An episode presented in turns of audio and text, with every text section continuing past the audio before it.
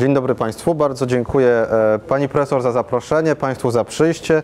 E, Zanim e, przejdę do samej materii, o której chcę opowiadać, to tylko muszę za, takie zr- zrobić wstęp i zastrzeżenie, jeśli chodzi o gatunek naukowy, którym ja się zajmuję i który Państwu będę przedstawiał. Otóż ja jestem historykiem starożytności. Historykiem, taki co czyta teksty, co je analizuje i takim, takim normalnym historykiem. E, No, z biegiem okoliczności zająłem się starożytną Palestyną, w związku z tym używam głównie Biblii jako źródła, ale to nie, nie przestało, znaczy nie, mimo tego nie przestałem być historykiem, nie stałem się biblistą. To są byty no, sąsiednie, ale nie tożsame. E, I to, co robię, jest tak, jak większość historyków przynajmniej powinna robić, służy temu, żeby odtwarzać rzeczywistość i ją lepiej zrozumieć. Bez e, zastanawiania się, czy to e, jest dobrze, czy źle, no bo było jak było i próbujemy ustalić jak było. E, Ponieważ dotykam materii, która bywa drażliwa z przyczyn albo politycznych, albo ideologicznych, albo religijnych, to zastrzeżenie robię, że w żadnym momencie e, mojej pracy, a tym bardziej dzisiejszego wykładu, e, nie mam na celu konfrontować e, się z przekonaniami, nie chcę dekonstruować czyjejś wiary, nie o tym, tak?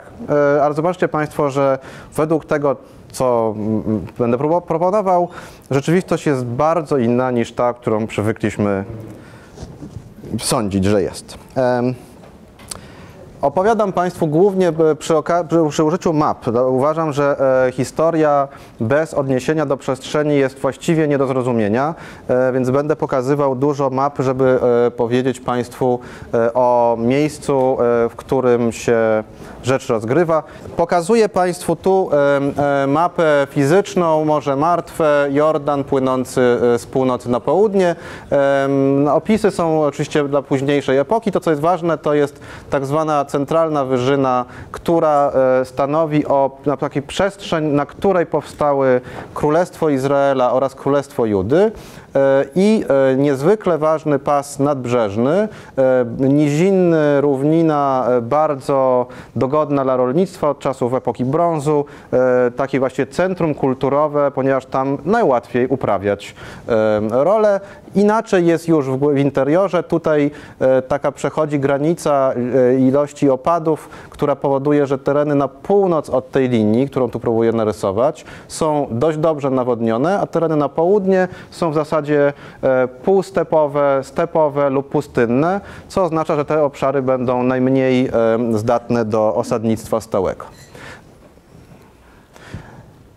Mam powiedzieć o to, czy istniało Królestwo Dawida. To pytanie jest w tytule. Ja na to pytanie na koniec postaram się odpowiedzieć. E, To jest Królestwo Dawida, tak jak widzi je jedna z typowych stron internetowych konfesyjnych, e, to akurat w Ameryce, która literalnie przekłada narrację z księgi pierwszej i drugiej księgi Samuela, informując, że państwo Dawida graniczyło z Egiptem e, na południu, obejmowało duży obszar pustyni, e, aż po e, Damaszek i Syrię. No przyznam, że ta mapa nawet na mnie zrobiła wrażenie, e, jak wielkim Izraelem miał być e, Izrael Dawida, e, ponieważ e, zwykle, przepraszam, w drugą stronę, zwykle e, bibliści próbują być nieco skromniejsi i mówią, że ta, ten, te, to państwo obejmowało tutaj pustynię na południu, to, to ma w znaczeniu dotyk graniczyć z Egiptem, ponieważ bardziej na południe i bardziej na południowy zachód, no to już jest właściwie tylko, e, tylko skalista pustynia i, i trudno mówić o trwałym kont- kontrolowaniu przez jakiekolwiek państwo starożytne. Em, objęły tereny Transjordanii, te tutaj, oraz północ bo, do Sydonu włącznie. E, Tyr również miał być wielkie miasto e, fenickie, Sydon miały być podporządkowane Dawidowi. To jest e, graficzna, czy kartograficzna odtworzenie mapy, którą wynika z narracji biblijnej. Takim państwem miał rządzić Dawid. I teraz historyk musi się z tym zmierzyć. Czy to rzeczywiście tak wyglądało? Możecie Państwo domyśleć z konstrukcji pytania, że chyba nie. E, Zaraz powiem. Dobrze, no mogę zacząć od odpowiedzenia. E, według chronologii biblijnej e, Dawid miał panować, żeby uprościć sprawę, około roku tysięcznego. E, Data nie jest dokładnie znana, ponieważ my e, mamy listy władców Judy i listy władców Izraela, tych dwóch państw, północnego Izraela, południowej Judy, które są do zweryfikowania ze źródłami pozabiblijnymi. W wypadku Izraela od początku wieku e, IX, czyli mniej więcej 870, a w wypadku Judy 100 lat później, na przełomie e, IX i VII wieku. W związku z tym to, co było wcześniej, musimy ufać tekstowi biblijnemu co do kolejności władców i długości ich panowania. Jeżeli wiemy o jakimś władcy, że panował lat 40, to nabieramy wątpliwości, bo to jest jeden z takich typowych liczebników, który znaczy wiele. W związku z tym możliwe, że jak jest 40, to po prostu kronikarze chcieli powiedzieć, no długo panował, ale czy to było 20, 15 czy 45, to się nigdy nie dowiemy, bo ta chronologia czasami ma bardzo konwencjonalne e, e, zasady. U, myślę, że możemy przyjąć, że mówimy około roku tysięcznego, przełom XI i X wieku. To jest zabytek absolutnie kluczowy dla e, próby zrekonstruowania postaci i państwa Dawida dzięki źródłom pozabiblijnym. To jest e, zdjęcie, może słabo widać, ale zaraz będzie może trochę lepiej widać, tak zwanej steli Steldan. E, Teldan to jest, wrócę na chwilę do mapy, to jest stanowisko tutaj, na północy Izraela. Jedno z tych biblijnych miast, które znajdowało się w takich, jest takie umiejsc- wykorzystywane w takich sformułowaniach no właściwie przysłowiowych. To znaczy wielkie państwo to jest państwo od Dan do Berszewy. Tak? To są te dwa, jedno najbardziej północne, drugie najbardziej południowe miejsce całego, całe, zamieszkałe przez Izraelitów. W Tel Dan znaleziono ten oto kamień, e, na którym e, ono pochodzi z drugiej połowy IX wieku przed naszą erą, na którym jest inskrypcja po aramejsku. Zapewne e, wystawił ją Hazael, król Damaszku, podczas której ze swoich kampanii przeciwko Izraelowi. E, I w tym oto e, miejscu, tutaj, to, to jest, i tu powiększam, jest taki napis e, Bet David. Dokładnie znaczy to dom Dawida. E, Ma to taką wagę, że jest to pierwsze i nie wiem czy nie jedyne pozabiblijne świadectwo mówiące o Dawidzie jako o władcy, albo może być precyzyjnym, jako o założycielu dynastii.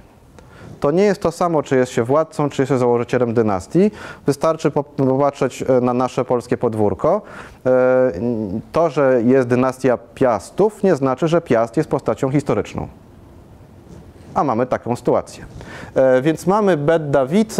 Ten tekst jest dość uszkodzony w wyższej linii tu.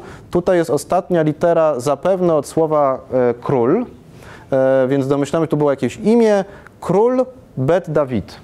Imię, więc nie wiemy, który z władców, ale on był określony jako król.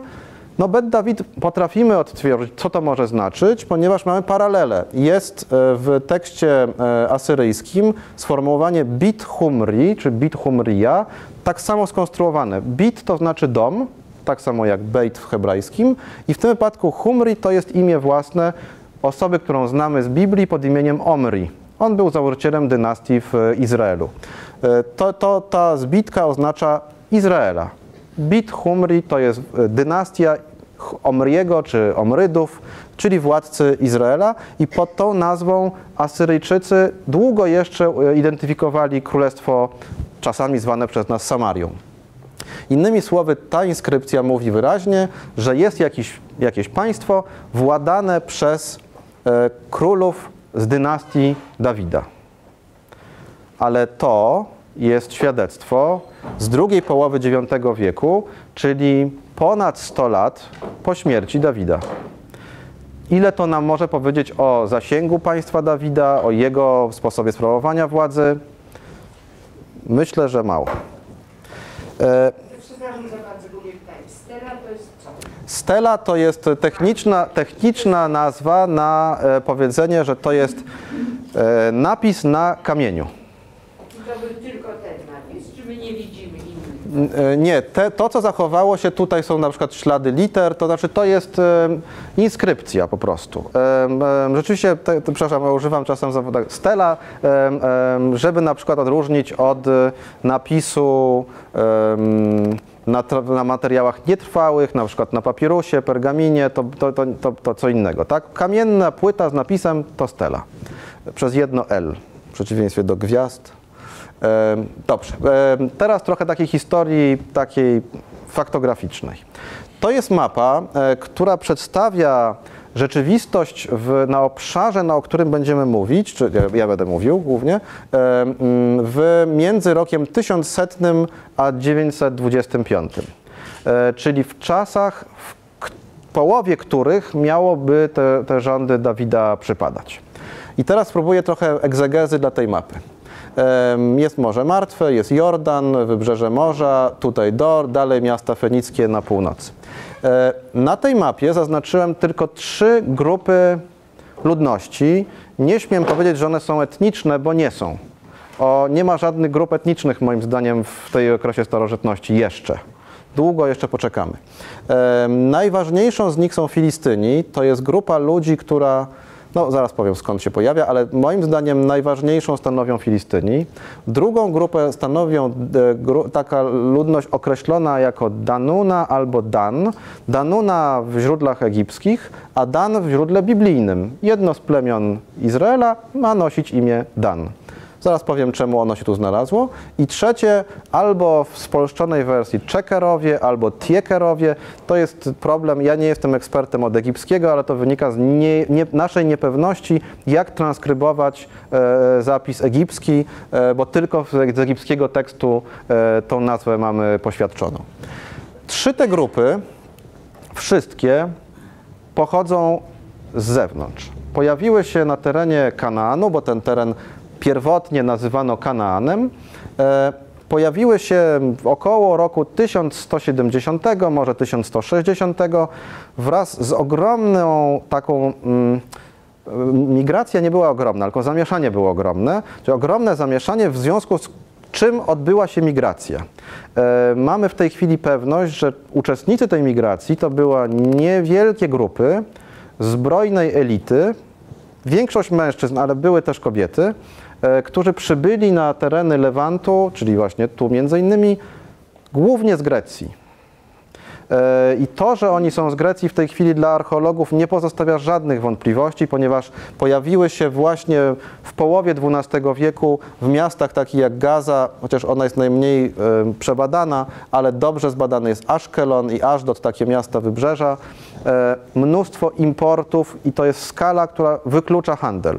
E, Pojawiły się budynki wzorowane na tak zwanych megaronach e, greckich z czasów mykeńskich. Pojawiły się typy takie palenisk w pałacu, których nie, których nie było w Palestynie wcześniej i one się wówczas poja- pojawiły. Więc jest wiele elementów, które pokazują, że jest jakaś nowa ludność. Ta nowa ludność charakteryzowała się tym, że przybywszy z Grecji, zmieszała się i bardzo się jakby wtopiła w lokalną ludność kananejską, e, zachowując niewiele swoich rdzennych cech. Większość z nich dotyczyły na przykład e, spraw religijnych, bo te są konserwatywne ze swojej natury, ale na przykład bardzo szybko przejęli lokalny język. I mieszkańcy, nawet jeżeli przybyli z Grecji, to bardzo szybko zaczęli mówić po jakim dialekcie kananejskim, czyli tutaj e, lokalnym. Ale są oni przybyszami z zewnątrz. No, Zaznaczyłem Filistynów jako taką grupę najbardziej em, wpływową. Głównie dlatego, że mamy, co dopiero właściwie badacze niedawno sobie, albo niedawno zdaliśmy sobie sprawę, że nazwa Palestyna, którą stosuję tutaj jako techniczne e, określenie, e, ma bardzo głęboki takie korzenie w tych czasach, Zaświadczona jest, e, jak się do tej pory wydawało, głównie u Herodota, czyli w V wieku grecki, u greckiego historyka, który opisywał świat starożytny. I on mówi, a potem w tamtej części jest, są, jest, mieszkają Syrio i Palestinoi, to znaczy Syryjczycy palestyńscy. Co miał na myśli dokładnie, nie wiemy. Wydawało się długo, że to jest taka jego taka ad- adaptacja tego, co on tam słyszał, Ale my wiemy, że nie, że Palestyna jest nazwą bardzo dobrze zakorzenioną. Mamy asyryjskie teksty z VIII wieku i VII wieku przed naszą erą, które mówią o dużym obszarze jako mat palasztu. Mat palasztu, czyli kraina palasztu, albo ziemia palasztu, albo tak państwo palasztu, czyli cały duży region. Skrybowie asyryjscy, to wówczas elita na pewno, oni uważają, że cały ten duży region się tak nazywa i łączą go z grupą Palasztu. Palasztu to Filistyni. Czyli na jakimś etapie w przeszłości tej ziemi to grupa Filistynów była identyfikowana jako panowie tej ziemi. To nie znaczy, że to stanowili 100% populacji, ale oni nadawali ton, tak? Albo ich, ich terytorium, e, terytorium wzięło nazwę od ich nazw. E, dobrze, zanim to. E, żeby zrekonstruować e, zasięg, skalę państwa Dawida, musimy odtworzyć zarówno okoliczności e, sąsiedzkie, to znaczy jakie podmioty polityczne, jaką skalę, jaki zasięg mieli, miały inne państwa oraz jak wyglądały najważniejsze centra polityczne łączone z Dawidem. E, Archeologowie, tutaj ja nie będę polemizował, ale oni przyjmują takie założenie, że wielkie państwo musi mieć dużą stolicę że nie ma takiej możliwości, żeby było duże państwo bez stolicy. A, du, a wielkość stolicy ma się mierzyć e, liczbą ludności, a ta będzie się mierzyła obwodem murów. Większe mury, znaczy większa przestrzeń, to więcej mieszkańców. To, tam jest kilka uproszczeń w tym, ale przyjmijmy, że archeologowie coś wiedzą o ten temat. E, I to założenie również, że musi być miasto, żeby było duże państwo, pewnie nie jest prawidłowością powszechną, ale dla Lewantu chyba, chyba tak. No bo można powiedzieć, że Mongołowie mają duże państwo, nie mając nigdy wielkiego miasta, ale, e, ale tu, tutaj rzeczywiście trzeba, to są takie urbanistyczne państwa. One się koncentrują wokół, wokół centrum. No to naturalnym e, e, tokiem rozumowania trzeba sprawdzić, jak wyglądają dwa ośrodki, czyli Jerozolima i Hebron. To są dwa, podkreślam specjalnie, ponieważ Ogólne takie przekonanie jest taki, król Dawid łączony jest z dwoma miastami. Z Jerozolimą, gdzie był królem i z Betlejem, skąd pochodził. Ale zapomina się, że Dawid został królem najpierw w Hebronie. Jego królestwo opisane jest wyraźnie, że jest to królestwo w Hebronie i jest to królestwo Judy, nie Izraela. To ludność Judy chciała Dawida na króla i zrobiła go królem w Hebronie. Dopiero później zdobył Jerozolimę i tam, i tutaj mógłbym wrócić do tej wielkiej mapy e, sięgającej do Damaszku i Egiptu. Jaki w takim razie był, była ta Jerozolima? E, To jest e, inna, inna strona taka archeologiczno-konfesyjna, która ilustruje tak zwaną step structure, to znaczy e, strukturę schodkową. E, Taką tak, część wykopalisk e, w tak zwanym mieście Dawida, w centrum dawnej osadnictwa w Jerozolimie, która identyfikowana jest właśnie z tymi najstarszymi budowlami z tak zwanych czasów Dawida, ponieważ nie bardzo wiadomo, kiedy są te czasy Dawida, to tak naprawdę tutaj ta część, powiedziałbym, archeologów o mniej rygorystycznym stosunku do metodologii mówi, jak znajdziemy coś dużego, to na pewno to zbudował Dawid. To nie jest takie proste. E, Rzeczywiście znaleziono tego rodzaju, odkryto tego rodzaju strukturę, której datowanie jest niebywale trudne. To znaczy e, wśród samych izraelskich archeologów jest spór. Jedni twierdzą, że to jest XII wiek, a może nawet koniec XIII, czyli raczej późna epoka brązu. Do Dawida mamy przynajmniej 200 lat. Odpada. Inni mówią, a nie, to jest później, to jest IX wiek, ponieważ coś. Coś im mówi. Więc rozbieżność jest ogromna. Jeżeli em, jest tak, znaczy to ani w tym wczesnym datowaniu, ani późnym datowaniu, w żadnym wypadku tego rodzaju struktura nie może być dowodem na to, że Dawid miał tam wielką stolicę, wspaniały pałac, pałac, okazałe budowle, nie miał świątyni, o czym mówi Biblia. Co samo w sobie też jest nielogiczne, tak? ale, ale Biblia tak mówi, więc archeologowie, część z nich ufa. Em, to jest jedyny, e, jedyne znalezisko, które e, dla części jest dowodem na tym, że w czasach e, Dawida istniało miasto na tyle duże, żeby być stolicą centrum administracyjnego, które kontroluje duży, duży obszar. To miasto Dawida, o którym mówię, tu są trzy mapy, e, cztery mapy e, samego centrum dawnego miasta. E, Miasto Dawida to jest taki cypel tutaj. W późnej epoce brązu, czyli do wieku XIII, zamieszkany był tylko ten mały skrawek.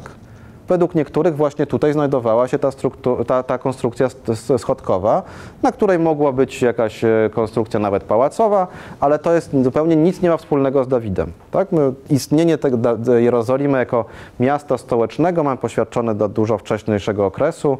Znamy władców tam, e, jednego władcy, który tam panował, e, ale nic z Dawidem nie będą miały wspomnienia-. To jest mapa em, hipotetycznie od, poka- odtwarzająca zabu- zabudowę w Jerozolimie między X a VIII wiekiem. Jeżeli jest taki rozstrzał, to bym powiedział, gotów byłbym się założyć, że to znaczy ósmy, a nie dziesiąty, dlatego że tych znalezisk na, z tego okresu naprawdę mamy pojedyncze sztuki, to są pojedyncze naczynia. E, kamień jest bardzo trudny do datowania, bo, bo no, nie zostawia. Ceramika lepsza, bo ceramikę można zbadać izotopem, więc można określić jej wiek, ona jest stylistycznie różna, więc ceramika jest dobry do datowania. No ale tu z Jerozolimy jest bardzo mało, bo jak Państwo wiedzą, w tym miejscu znajduje się teraz meczet i wykopaliska są tak naprawdę prowadzone, ale nie powinny być prowadzone, bo mm, to jest zarzewie konfliktu. Jerozolima się rozrośnie niebywale w wieku VIII e, e, i VII, e, raczej VII, w czasach Ezechiasza. Będzie to duże miasto i, i znowu się skurczy po niewoli babilońskiej do takiej, do takiej skali jak, jak z czasów przed Ezechiaszem. Em, Ale to pokazuje tylko Państwu skalę. To znaczy, nawet jeżeli struktura schodkowa miałaby być datowana na dokładnie czasy Dawida, to to miasto jest takie. To znaczy, to jest, e, tutaj nie ma skali, ale e, proszę mi uwierzyć, że no, e, fundamenty Pałacu Staszica byłyby większe niż miasto Dawida. Znaczy mówimy o takim malutkim kawałku, gdzie jest kilkanaście domów. Takich do, domów to są, to, to jest duży dom, tak? to, to pomieszczenie. Pojawiły się dodatkowe argumenty. To jest przerys e, bardzo cennego znaleziska e, ostrakonu, w przeciwieństwie do steli. Ostrakon jest to napis wykonany na e, kawałku ceramiki. Ostrakon, przepraszam, ostrakon pochodzi z miejsca, które nazywa Kirbet Kijafa i rzeczywiście jest wyjątkowy, ponieważ jest bardzo stary. E, Datowany jest to na po połowę XI do połowy X wieku. Chyba rzeczywiście nie jest późniejszy, więc data zgadzałaby się z czasami em, biblijnego Dawida. Em, tekst jest zapewne listem. E, tekst, pismo jest bardzo archaiczne, em, dlatego ono jest tak archaiczne, dla którego mamy bardzo mało analogii, więc nie wszystkie znaki jesteśmy w stanie z pewnością odczytać. Więc tak naprawdę badacze zajmujący się e, taką paleografią e, tego typu e, zabytków nie ma, nie panuje, nie ma zgody, tak? Co- co, co w tym tekście jest napisane. Pojawiają się tylko sformułowania, pojedyncze słowa, to jest na przykład ain, e, dalet, no pojedyncze, tak? Więc możemy pojedyncze słowa e, mm, interpretować. Uważa się, że to jest korespondencja jakiegoś przełożonego do jakiegoś pod, poddanego albo osoby, która jest zależna, z jakimś rozkazem. O czym to mówi? Nie jestem pewien. E, Badacze tacy, powiedział, bardzo uży, użyję kolokwialnie takiego, tacy hop do przodu, e, mówią, a tu jest dialekt hebrajski e, i to jest dowód na to, że Hebrajczycy już wtedy nie tylko, że pisali, ale panowali w tych regionach, gdzie znaleziono to. I to jest mówiąc również kolokwialnie, to jest chucpa, to znaczy tak nie jest. To znaczy my nie jesteśmy w stanie odczytać niektórych liter, a co dopiero mówiąc o identyfikacji dialektu. Znaczy te wszystkie te języki wówczas stosowane, odmiany kananejskiego z hebrajskim włącznie, są nie do rozróżnienia na tym etapie zapisu. E, Nie ma żadnych słów, które są inne w fenickim od hebrajskiego, czy moabickiego, czy, czy protokananejskiego, więc to jest e, naciągana e, hipoteza. E, Ale kluczem dla badaczy, zwłaszcza dla tego badacza, który to znalazł, e, czyli e, Józefa Garfinkela, jest ulokowanie tego miejsca, tego Kirbet Kijafa. Proszę zobaczyć, to jest Jerozolima, a Kirbet Kijafa znajduje się tutaj, między Azeka a Soko. tuż na zachód, wschód od miasta Gad, obecnego Tel Safi, czyli wówczas największego filistyńskiego miasta. E, Mówiłem o tym, że skala urbanistyki ma znaczenie i że Jerozolima to jest takie małe, mniejsze niż Pałac Staszica. A, a Tel Safi w tym czasie ma 50 hektarów w obrębie murów. Nie mówiąc jeszcze o tym, co się znajdowało poza murami. Tel Safi to jest po prostu Nowy Jork. To jest największe skupisko miejskie, gigantyczne, bogate, e, bardzo wpływowe dla, wobec okolicy, która jest brzydko mówiąc, archeologowie, zruralizowana. To znaczy tam są właściwie wyłącznie wsie, małe miasteczka. A Tel Safi to jest, to jakby były tam wieżowce. Wspaniałe, wielkie miasto. I teraz znaleziono to e, Kirbet Kijafa. Rzeczywiście jest taką osadą obwarowaną, niewielką, e, w którym znalazł się ten ostrakon, dlatego ono jest taki wyjątkowe, czyli dowód, że nie dość, że ktoś tam mieszkał, to jeszcze umiał czytać. Bo, czy pisać nie wiemy, bo tekst może przyszedł skądinąd. I interpretacja e, tego Garfinkela jest taka. Otóż Azeka to jest graniczna twierdza królestwa, którego stolicą jest Jerozolima i tam właśnie król Dawid wysłał list do swojego generała, żeby coś tam zrobił. I ten ostrakon jest tego dowodem. No nie. Tak, tak to nie jest. Tekst, jak Państwu pokazałem, jest niepewny. Nie wiemy, co on dokładnie mówi, jaki jest dokładny tekst tego tekstu, e, nie, znaczy znaczenie tego tekstu. E, To, że ta twierdza znajduje się tutaj, w żaden sposób nie łączy e, Azeka i, i Kirbet Kijafa z Jerozolimą. Jeżeli by szukać takich prostych topograficznych przynależności, no to jeżeli komuś podlega ta twierdza, to najbliższemu wielkiemu miastu, a nie dalekiemu, malutkiemu miastu. Słabo. Ten argument na to, żeby dowieść, że król Dawid miał gran- granicę tu i już administrację, która posługiwała się listami, moim zdaniem się nie utrzymuje. E, Wracam do tych map, które Państwu pokazywałem, e, aby e, przejść do tego, co jest najważniejsze w państwie Dawida, czyli kto w tym państwie miał zamieszkiwać. Według tradycyjnej archeologii, ale i historii bib- niebiblijnej, bo ona jest historią pozytywistyczną, taką, e, uważa się, że e, rdzeniem dla królestwa e, Izraela, które powstanie tu, i dla królestwa Judy, które powstanie tu, jest ludność, która nie była typową ludnością osiadłą w miastach i e, rolniczą na równinach. Była taka, takie przeciwieństwo. Jedni to są ci bogaci na równinach i oni są na wybrzeżu podporządkowani tym Filistynom w XI wieku już, a jest jakaś inna, inna grupa ludzi, która tutaj została zaznaczona em, sposobem gospodarowania. E, Tam, gdzie jest e, szaro, tak jasno szaro, mo- mamy do czynienia z dużą gęstością tak zwanych protoizraelskich osad. Tam, gdzie jest ciemniejszy obraz, jest mniejsza gęstość. To jest też, kartografia to jest, mówiąc szczerze, dla historyków straszny problem, bo to, to, są, to jest fałszowanie rzeczywistości. Bo jak tutaj ktoś namalował, że to jest mniejsza gęstość, to polega na tym, że tutaj były trzy domy, tu dwa, a tu jeden. I już zrobiono cały teren. To jest naciąganie rzeczywistości. No ale, em, przepraszam, ja mam taką, em, tak, taką niezgodę na różne takie naciągania i fałszerstwa, ale tym niemniej, idźmy dalej. Ta ludność tutaj charakteryzowała się nieco innym sposobem życia. Od ludności dolin uprawny, uprawiających ziemię w dogodnych obszarach e, geograficznych. Ona jest nazywana protoizraelską, co jest umowne. To znaczy, ja bym nie przykładał dużego znaczenia do tej nazwy.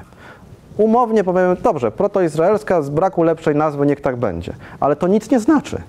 Ta ludność na przykład mieszkająca tutaj koło jeziora Tyberiackiego i tutaj koło Hebronu albo Berszewy nie łączyło nic. Tylko tyle, że nie mieli dobrych pól uprawnych, bo musieli wygospodarować się na terenach półpustynnych albo stepowych. Nie ma tam, to nie, nie, nie wiemy, żeby ta ludność czuła jakąś związek z tą ludnością. Żadnych wskazówek, a różniła się wieloma e, e, czynnikami. Aha. Teraz pokażę Państwu dwie mapy, które e, są kluczowe dla początku Izraela. To jest mapa, znaczy ob, obie te podstawy są następujące, to może cofnę, żeby, nie, e, cofnę, żeby się skoncentrować na jednym. To jest mapa, gdzie e, tymi punkcikami zaznaczono stanowiska archeologiczne, na których znajduje się dużo tak zwanej ceramiki filistyńskiej. One ma różne rodzaje, już bez wchodzenia w tam bardzo skomplikowane nazwy. Oznacza to, że to są miejsca, włącznie przykład tutaj z Deir Alla, takie na Wybrzeżu, tutaj Betrzean, to są takie miejsca, miasteczka, miasta, w których istniała elita, która była zainteresowana kupowaniem wyprodukowanych tu na Wybrzeżu bardzo eleganckiej ceramiki do picia wina wzorowanych na greckiej ceramice z czasów późnomykeńskich. E, To nie jest koniecznie dowód, że ludność stąd by- była tu fizycznie obecna, tak? tylko że elita lokalna chciała kupić, no, bo do tego to mniej więcej służyło. Nie tylko do tego, żeby się napić, tylko jak coś było eleganckie, ja tutaj, przepraszam, nie mam ikonografii, ale wierzcie mi Państwo, że jest piękna ceramika, ładnie zdobiona. Więc wyobrażamy sobie, to jest taki element historii społecznej, którą teraz wyko- wykonam, że ktoś, kto ma takie naczynie, to nie tylko, że go pije, tylko robi tak. Popatrzcie, z czego pije. Antropologia używa sformułowania status marker, to znaczy to są przedmioty, które pokazują pozycję społeczną. Mnie stać na to, mam takie wspaniałe, a mojego sąsiada nie ma. Nie, znaczy jego nie stać, tak? On nie ma. W związku z tym ja jestem wyżej w tej hierarchii, jestem lepszy. Więc dlatego zapewne kupowano. E, ale co ważne, jest taki obszar tu, na którym tych znalezisk w ogóle nie ma. I moi, część moich kolegów, bardzo takich dobrodusznych izraelskich archeologów mówi, a, bo tutaj jest część ludności protoizraelskiej, oni się brzydzili tymi filistyńskimi portami. Oni ty, picie wina z takich tych, oni to mieli za nic, bo oni byli pobożni. No jak Państwo rozumieją, po moim tonie, to nie tak. E, To, co my możemy powiedzieć tak metodologicznie poprawnie, to tyle, że zapewne brak znalezisk na tym obszarze świadczy o, tak, o dwóch rzeczach. O małej, e, o, o, o ubóstwie i o bardzo nikłym zróżnicowaniu społecznym, to znaczy brak stratyfikacji społecznej, E, co widać również w budownictwie. To znaczy tu ludność mieszka w bardzo małych wioskach. Przez wioskę tak naprawdę rozumie się trzy domy na jednym wzgórzu, dwa domy na następnym wzgórzu, pięć domów na jeszcze innym. To oni są tak roz, rozsiani po przestrzeni. Nie tworzą dużych skupisk, nie tworzą miast, w związku z tym nie ma, nie będąc miast, nie ma tam takiej elity, która może wybić się i pokazywać takie lichy. O, bo ja mam, a wy nie macie. To jest ludność spłaszczona społecznie. I tu, w tym miejscu, rzeczywiście za chwilę powstanie Królestwo Izraela. To jest e, mapa, e, w której ta centralna część znajduje się tu, a to, co jest ważne, to jest ten szlak tutaj tymi strzałkami niewyraźnie, ale zaznaczony. Zaraz wytłumaczę, czemu to jest ważne. E, Szeszong, bo tak się nazywał faraon, który w 925 roku wyruszył zbrojnie przeciwko Kanaanowi czy przeciwko Palestynie. E, Mamy bardzo szczegółowy opis jego wyprawy. Dokładnie mi- miasteczko po miasteczku pisze, co zdobył.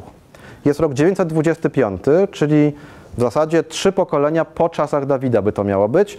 Według Biblii nadal Jerozolima ma być wielkim miastem, już ktoś inny jest jego e, królem, ale Szeszong miał no, dla biblistów e, mm, złą cechę, że był skrupulatny. I on napisał wszystko to, co zdobył.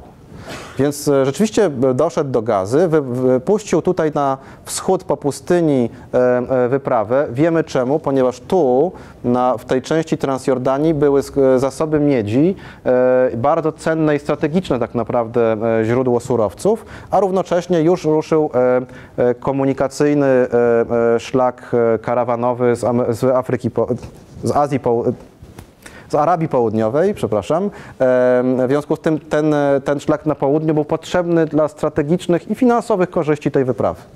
Później e, przeszedł przez obszar, który Biblia nazywa terenem Beniamina, na którym to znajdowało się, tu cofnę, przepraszam, tu państwo, e, czy pod rzekome państwo Saula, poprzednika Dawida. Ono się ogranicza wyłącznie do tych obszarów na północ od Jerozolimy.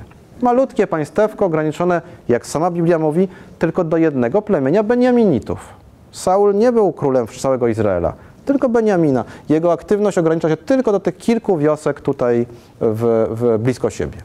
Otóż Szeszong przewędrował na północ od Jerozolimy, wzdłuż Jordanu, zdobył największe miasta, Bet-Szean, e, Tanach, Megido i przewędrował z powrotem. Dlaczego nie zaatakował żadnego ośrodka, no coraz słabiej widać, ale żadnego ośrodka w centralnym Izraelu i w Jerozolimie? Dlaczego ominął te, te miejsca? No, moje, część moich kolegów biblistów mówi, a, bo on był w sojuszu z królami Judy, więc on tam im nie chciał zaszkodzić. Nic o tym nie mówi.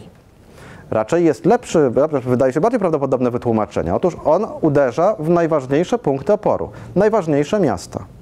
Ignoruje te obszary, w których nie ma co zdobywać, w których nie ma punktów oporu. Ignoruje centralny Izrael, bo tam są tylko te wsie. Oraz ignoruje Jerozolimę, bo ona nie jest ważnym punktem. To nie jest wiel- wielkie państwo, to nie jest wielka stolica. E, wrócę, przepraszam, o, znowu nie w tą stronę.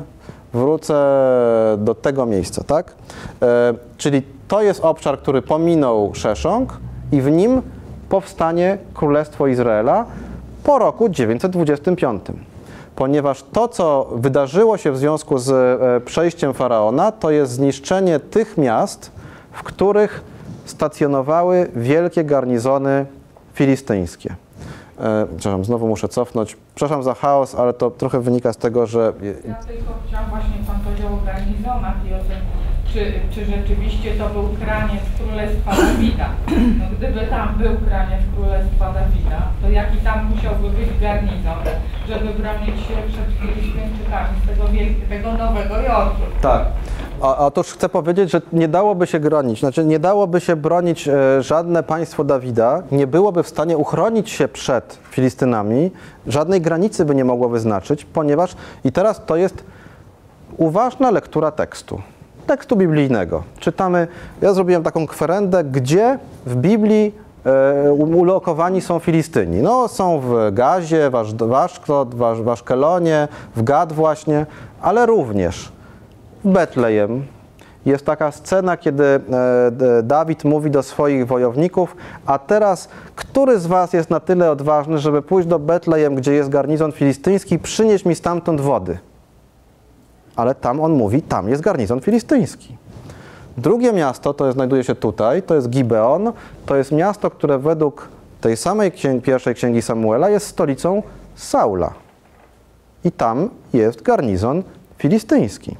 Oraz trzecie, czyli Bet-Szean, miasto tutaj na północy, które jest e, takim no, ważnym miejscem, e, ewidentnie filistyńskim, ponieważ w bitwie, w którym Saul ginie, został, jego ciało zostało wzięte przez Filistynów i jego zwłoki zostały wywieszone na murach Bet-Szean.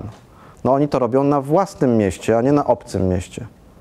E, otóż to, to jest rzeczywistość, którą autor Księgi Samuela tak mimochodem zdradza, tak? Tak mu wychodzi, bo on co innego chciał powiedzieć, tak mu nie skontrolował się. Otóż na całym terenie, na którym miało się znajdować państwo Dawida, znajdowały się oddziały filistyńskie, bo to jest mat palasztu. Cały ten teren jest terytorium filistyńskim, bardziej lub mniej kontrolowanym bezpośrednio. Jest mnóstwo informacji w Biblii, które to potwierdzają. Zanim Dawid będzie, tem, to opowiemy, czytamy opowieść o tym, że pokona tego Goliata, ogromnego, wielkiego wojownika, a on taki skromny pasterz, to też taka bajka, tak jak trzeba, to czytamy jeszcze co innego.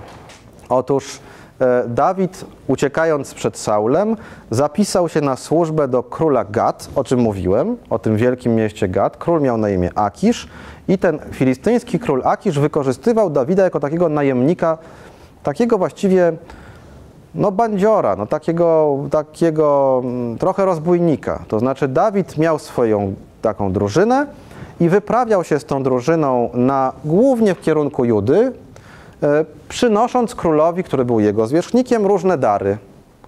No to trudno powiedzieć, że to jest państwo niezależne od Filistynów. Znaczy to jest jakiś e, lokalny wataszka, który jest podległy temu, kto jest najważniejszy, temu, kto jest jakby największą potęgę w tym momencie i w, w, jesteśmy w zapewne właśnie przełomie e, XI-X wieku, to będzie Gad.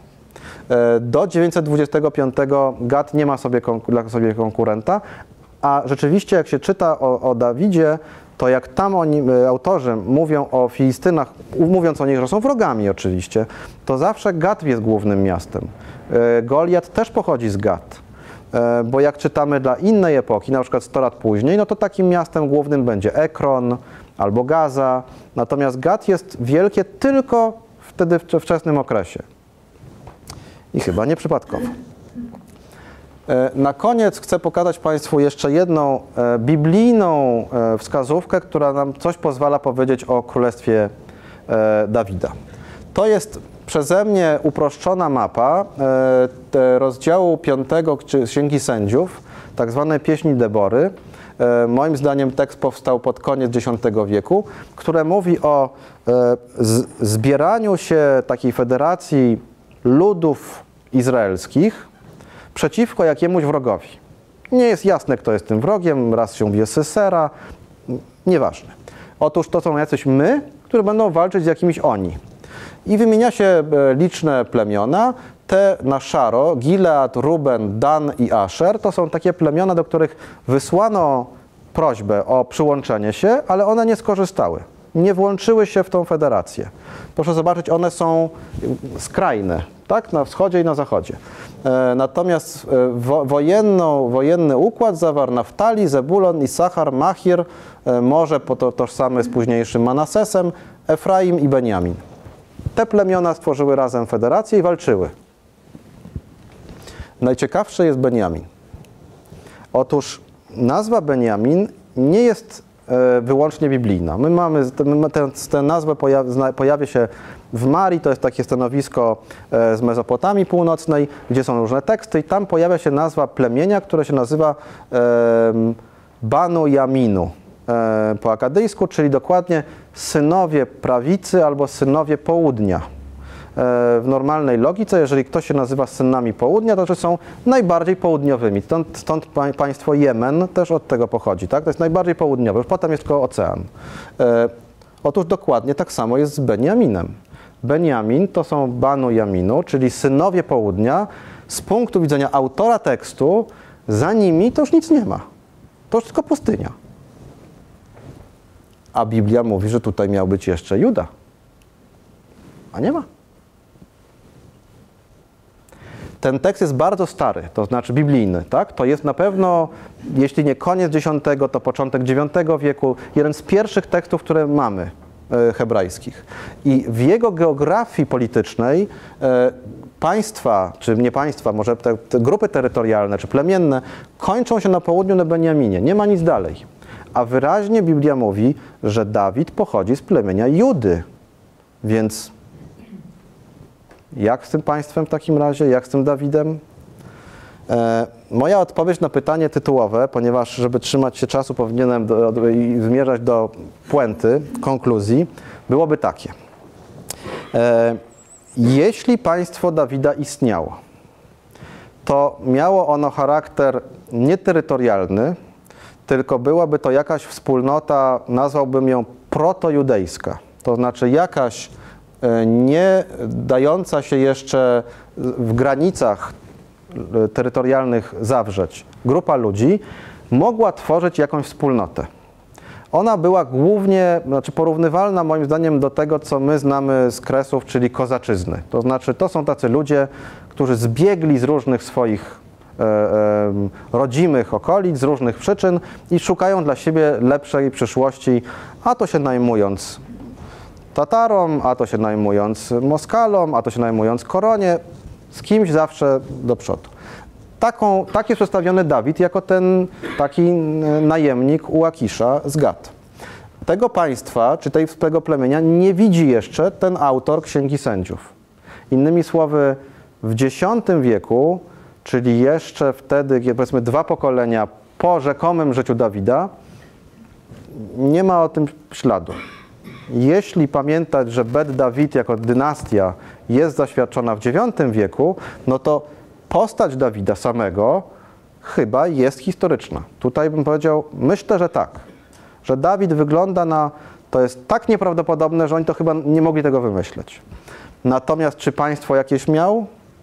Nieterytorialne, a jeżeli panował na jakimś obszarem, to było to Hebron i najbliższe kilka kilometrów dookoła, bo tam po prostu nie ma miejsca na wielkie państwo. Na pewno nie od Egiptu do Damaszku. To jest e, to, co jest w opowieści biblijnej, jest kreacją literacką, która ma odpowiadać na wiele potrzeb. Zapewne jedną z głównych, ta, głównych potrzeb, ona się pojawiła w czasie niewoli babilońskiej, wtedy kiedy wywiezieni z Jerozolimy e, mieszkańcy nagle znaleźli się bez państwa, bez terytorium, bez króla i wówczas stworzono legendę wielkiego państwa, abyśmy kiedyś do niego wrócili. Od morza do morza. To nie jest legenda czasów imperium, tylko to jest, czasy, to jest legenda XIX-wieczna, nasza Polska, tak? No, o, no tak, to, to ja, ponieważ ona jest dość wspólna, to dlatego uważam, że to jest argument, tak? Gdyby było, znaczy, jako historyk powiem tak, wszystko, co historycy mówią, że jest wyjątkowe, to jest podejrzane. Raczej bym szukał rzeczy, które są uniwersalne i powtarzalne, tak? To jeżeli to wtedy mnie to przekonuje, tak?